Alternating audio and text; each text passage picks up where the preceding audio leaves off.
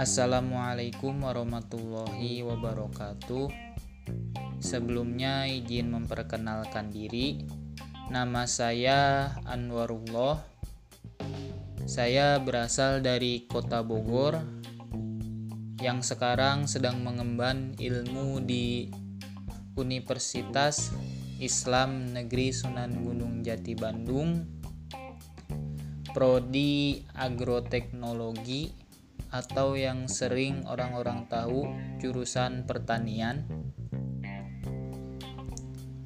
Sebelumnya saya baru pertama kali membuat podcast ini karena mendapatkan tugas apabila ada kesalahan harap dimaklumi Untuk pembuatan podcast ini, saya akan membahas tiga pokok bahasan. Pokok bahasan yang pertama, saya akan membahas bagaimana cara budidaya tanaman horti di rumah dengan cara yang ideal. Pokok bahasan yang kedua, saya akan membahas mereview blog teman saya yang bernama Anissa Fauzia. Dan yang terakhir pokok bahasan yang terakhir yang saya akan bahas yaitu kesimpulan dari podcast yang saya buat ini. Langsung saja ke pokok bahasan yang pertama. Bagaimana sih budidaya tanaman horti di rumah dengan cara yang ideal? Perlu kita ketahui sebelumnya ada tahapan-tahapan untuk budidaya tanaman horti di rumah di, dengan cara ideal di antaranya yaitu tahap pertama penyiapan benih yang unggul kedua penyiapan media tanam atau pembuatan media tanam yang ketiga, penyemayan. Yang keempat, perawatan. Perawatan di antaranya di dalamnya ada penyiangan gulma dan penyiraman. Yang kelima, ada panen dan yang terakhir adalah pasca panen. Nah, itulah tahap-tahap bagaimana kita budidaya tanaman cara budidaya tanaman horti di rumah dengan cara ideal. Di sini saya akan mengambil sampel komoditi tanaman horti kangkung. Bagaimana sih cara menanamnya? Cara membudidayakannya di rumah dengan cara ideal? Ya, yang tahap pertama kan tadi kita menyiapkan benih yang unggul. Jadi kita menyiapkan benih yang unggul agar tanaman yang kita budidayakan dapat tumbuh dan berkembang dengan baik. Dan benih unggul juga sangat berpengaruh terhadap hasil panen tanaman horti yang kita budidayakan tersebut. Setelah kita menyiapkan benih yang unggul, kita melakukan selanjutnya tahap penyemaian dan untuk tanaman komoditi kangkung ini bisa ditanam secara langsung dan bisa melalui tahap proses penyemaian terlebih dahulu. Di sini saya tidak melakukan proses penyemaian terlebih dahulu, kan tetapi saya menanam secara benih secara langsung di polybag atau tempat yang tidak terpakai di rumah seperti toples dan yang lainnya. Selanjutnya tahap selanjutnya yaitu penyiapan media tanam. Di sini kita menggunakan media tanam tanah, aran sengkam dan pupuk kandang kambing yang di mana perbandingannya tiga berbanding dua berbanding satu di antaranya tiga tanah dua pupuk kandang kambing yang ketiga aran sekam. Mungkin menurut saya itu yang paling ideal untuk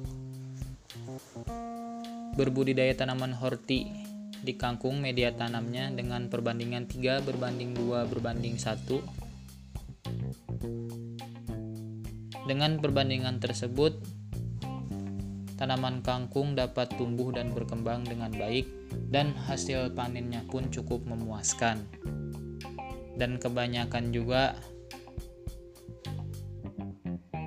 sering digunakan pada budidaya tanaman horti di rumah dengan cara ideal tersebut. Nah, setelah melakukan tahap penyiapan media tanam, kita bisa langsung ke tahap penanaman yang saya bilang tadi. Jadi, penanaman langsung pada polybag atau tempat yang tidak terpakai. Kita di sini menggunakan 5 lubang tanam di mana berposisikan di atas dua, di bawah dua dan di tengah-tengahnya. Jadi kita menggunakan 5 lubang tanam dan satu lubang tanam berisikan tiga benih kangkung. Mungkin cukup ideal dari satu lubang tiga benih kangkung dengan lima lubang kita bisa menanam 15 tanaman kangkung. Dan satu polybag kita bisa panen 15 tanaman kangkung. Setelah penanaman kita e, selanjutnya tahap perawatan di antaranya ada penyiraman dan penyiangan gulma. Dan untuk penyiraman kita dilakukan pada waktu pagi dan sore hari dan tanaman kangkung ini tidak cukup membutuhkan banyak air karena tanaman kangkung ini dapat tumbuh dan berkembang dengan baik cukup dengan tanah yang lembab saja. Dan penyiangan gulma apabila ada gulma yang tumbuh di tanaman sekitar tanaman kita yang budidayakan kita harus cepat dikendalikan atau menyiangi gulma tersebut agar tidak mengganggu tumbuh dan berkembangnya tanaman yang kita budidayakan. Seperti itu. Setelah perawatan kita tahap pemanenan. 40 sampai 45 hari setelah tanam kita dapat panen. Dan proses terakhir yaitu pasca panen kita dapat mengolah pasca panen dan mungkin seperti itu dan selanjutnya kita masuk ke pokok bahasan yang kedua yaitu review blog teman saya yang bernama Nisa Faujia di mana teman saya di sini menjelaskan tentang berbudidaya tanaman horti di rumah di pekarangan rumah dengan cara yang ideal. situ banyak cara-cara tentang berbudidaya tanaman horti di rumah. Dan blog tersebut diakses pada blog kelas. Jadi di situ banyak tata cara menanam tanaman horti di rumah. Berbanyak bagai-bagai bermacam komoditi di situ. Jadi bisa diakses ya. Jadi kesimpulan pokok pembahasan terakhir yaitu kesimpulan dari podcast ini yaitu kita tidak perlu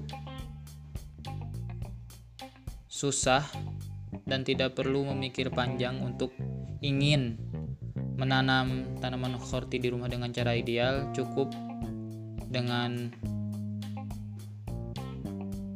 kita menyiapkan benih yang unggul karena dengan benih yang unggul kita dapat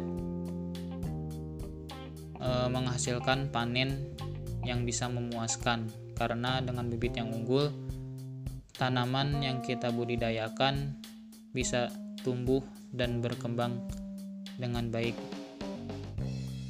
Mungkin cukup sekian dari saya. Wassalamualaikum warahmatullahi wabarakatuh.